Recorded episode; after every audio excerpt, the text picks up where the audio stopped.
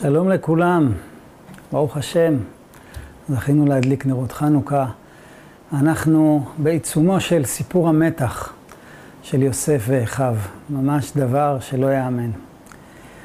האחים מבינים שהם שגו, הם היו צריכים לרחם על יוסף. והם יוצאים למצרים כדי לחפש אותו מתוך כוונה למצוא אותו, לקנות אותו, להילחם עליו, הם רוצים לתקן. והקדוש ברוך הוא גם רוצה שהם יתקנו, ויוסף גם רוצה שהם יתקנו. אבל העסק מסתבך. הם מגיעים למצרים, הם פוגשים את השליט החדש של מצרים. הם לא יודעים כמובן שזה יוסף, אי אפשר לחשוב כזה דבר, שאח שלהם שנמכר לעבד יהפוך פתאום לאיזה שליט אימפרטור עליון על מצרים וכל העולם כמעט. סך הכל נמכר לעבד. והשליט הזה בא אליהם בטענות, אתם מרגלים, אתם מחפשים פה? ראינו שנכנסתם כל אחד בשער אחר, מה אתם רוצים? אה, אתם מחפשים את אח שלכם? הבנתי. ואם אה, זה יעלה לכם כסף, תשלמו? בוודאי. ואם לא ייתנו לכם, תילחמו. הנה, בבקשה, אתם מרגלים. טוב, תשאירו פה בבקשה את שמעון בכלא. וכדי לאמת את הסיפור שלכם, שאתם לא מרגלים, תביאו לכאן את בנימין.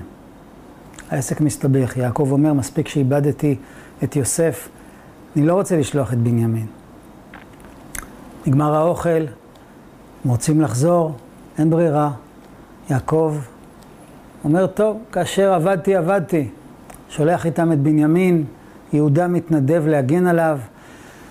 הם מגיעים למצרים, יוסף, זאת אומרת, השליט המצרי לעיניהם, אומר, טוב, אני רואה שאתם באמת כנים, כנראה שאתם לא מרגלים, עושים סעודה, שמחים.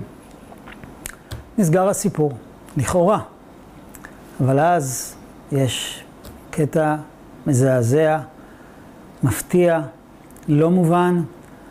הם יוצאים, שמחים, וכולם בדרך חזרה הביתה, פתאום רודף אחרי, אחריהם אה, אחד האנשים של יוסף, גנבים, מה עשיתם? איפה הגביע? איזה גביע? גביע הקסם של אדוני. מה, אתם לא יודעים שהוא עלה עליכם? אמרו לו, מה, מה אתה מדבר? אתם גנבתם את הגביע. אמרים לו, מי שגנב את הגביע, אנחנו מאחלים לו מוות, מה פתאום, אנחנו לא גנבים. אבל הגביע נמצא באמתחת בנימין, והם בהלם חוזרים ליוסף. יוסף אומר להם, טוב, אני, אני בן אדם ישר, את, אתם יודעים. אתם יכולים לחזור הביתה, בנימין נשאר כאן. הם מגיעים למצב שהם רוצים להרוג אותו. הם לא מבינים מה קורה. וכל הסיפור הזה נראה כמו התעללות אחת גדולה. ממש זה נראה שמחפשים אותם. הם לא מצליחים לקרוא את המפה. אבל אז, ממש כמעט רגע לפני שהם הורגים את יוסף, יוסף אומר להם, רק שנייה, כל העבדים שלו, כל האנשים שלו, כל המשרתים שלו, צאו החוצה, תשאירו אותי איתם לבד. אומר להם, בואו אני אספר לכם משהו, יוסף נמצא כאן. אתם מספרים שאיבדתם את האח שלכם? אני קניתי אותו לעבד. אה, באמת? איפה, איפה הוא? איזו התרגשות. ואז יוסף אומר, יוסף, בוא אליי. יוסף. לא רואים אף אחד. ואז יוסף אומר להם, שתי מילים. אני יוסף.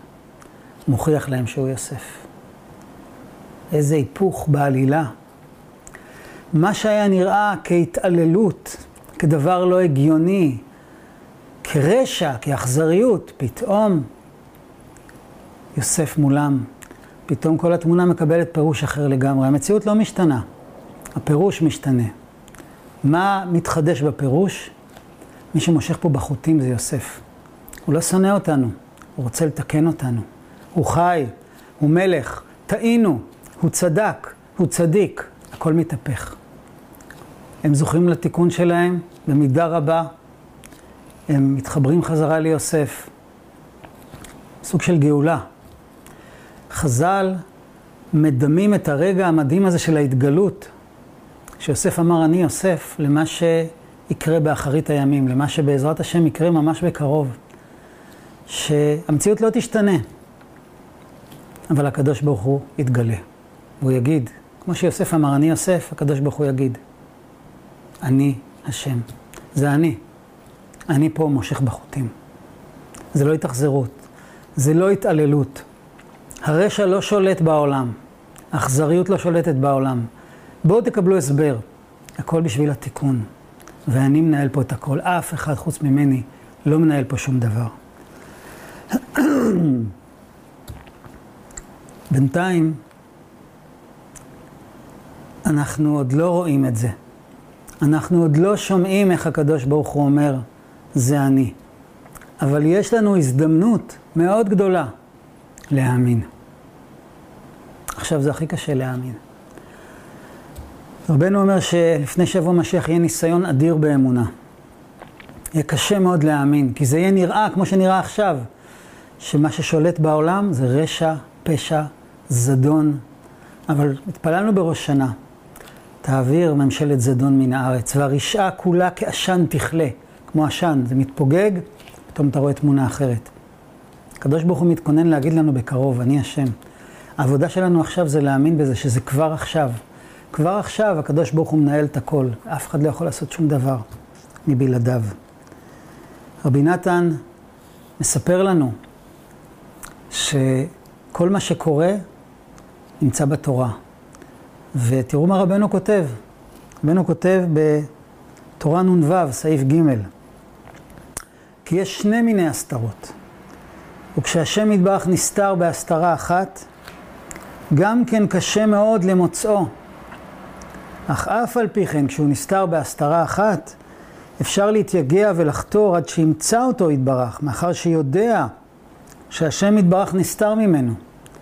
יש אנשים שיודעים, יש בורא עולם, הוא לא נסתר, אני אחפש אותו, אני אמצא אותו. זה הסתרה אחת. אבל כשהשם יתברך נסתר בהסתרה שבתוך הסתרה, דהיינו שההסתרה בעצמה נסתרת ממנו. שאינו יודע כלל שהשם יתברך נסתר ממנו. הוא לא יודע שיש בורא, הוא לא יודע שהוא נסתר, אז אי אפשר למצוא אותו כלל, מאחר שאינו יודע כלל מהשם יתברך.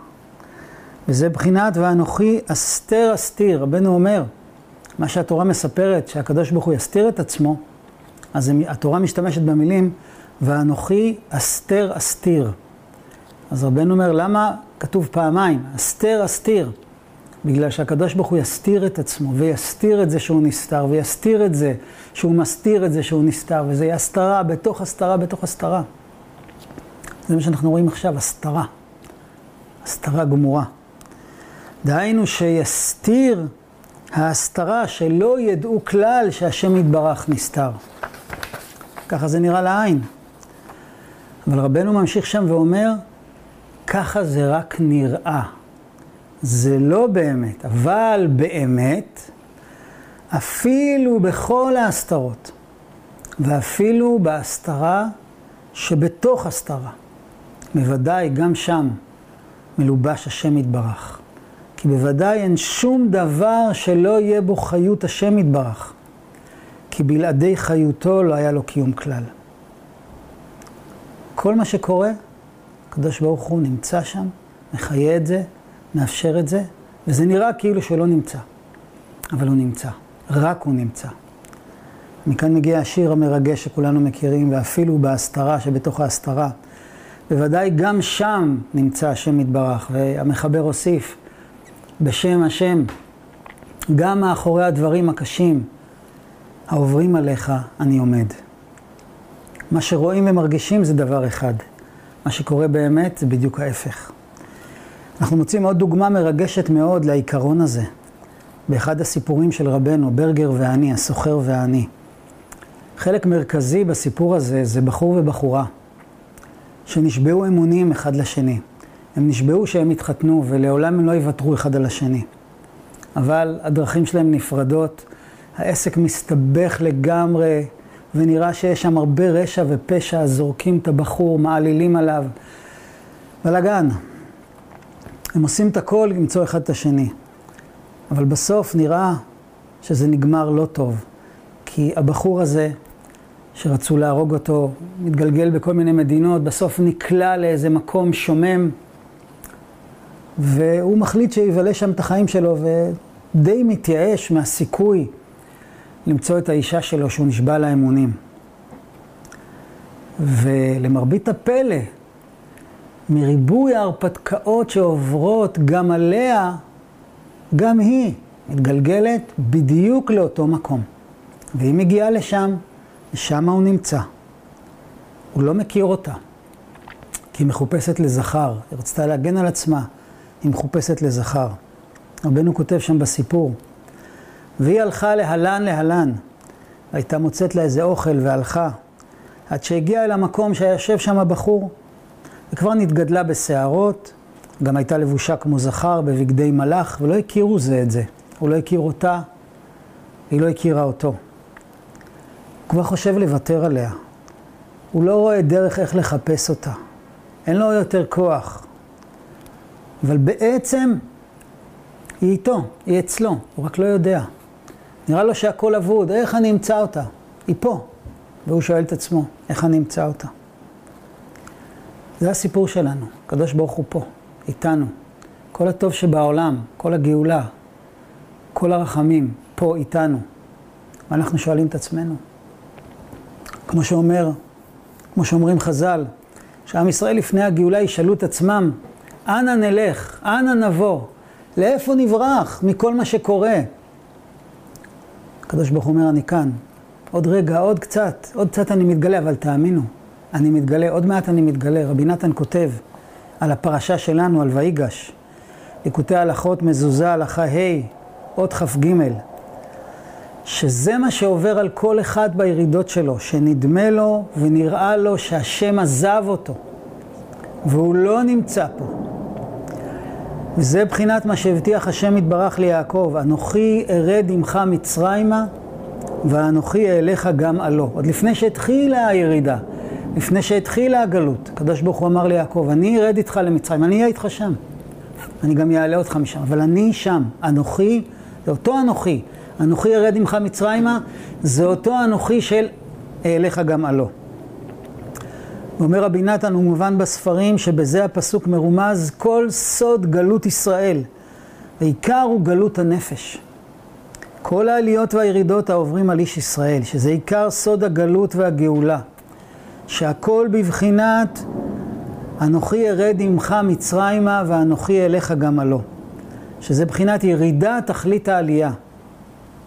והעיקר, אומר רבי נתן, מה למעשה? מה למעשה? והעיקר הוא התחזקות. שצריכים להתחזק מאוד מאוד. בתוקף, התגברות, מרירות הירידה, מר מאוד, עד שנדמה שכמעט חס ושלום. הוא לא אומר כמעט מה, כמעט, כמעט לא נשאר מאיתנו כלום. ודווקא משם ירחם עליו השם יתברך ויושיעו ויקרבו אליו. מביא כמה פסוקים מאוד חזקים, מאוד מנחמים, כי לא ייטוש השם את עמו.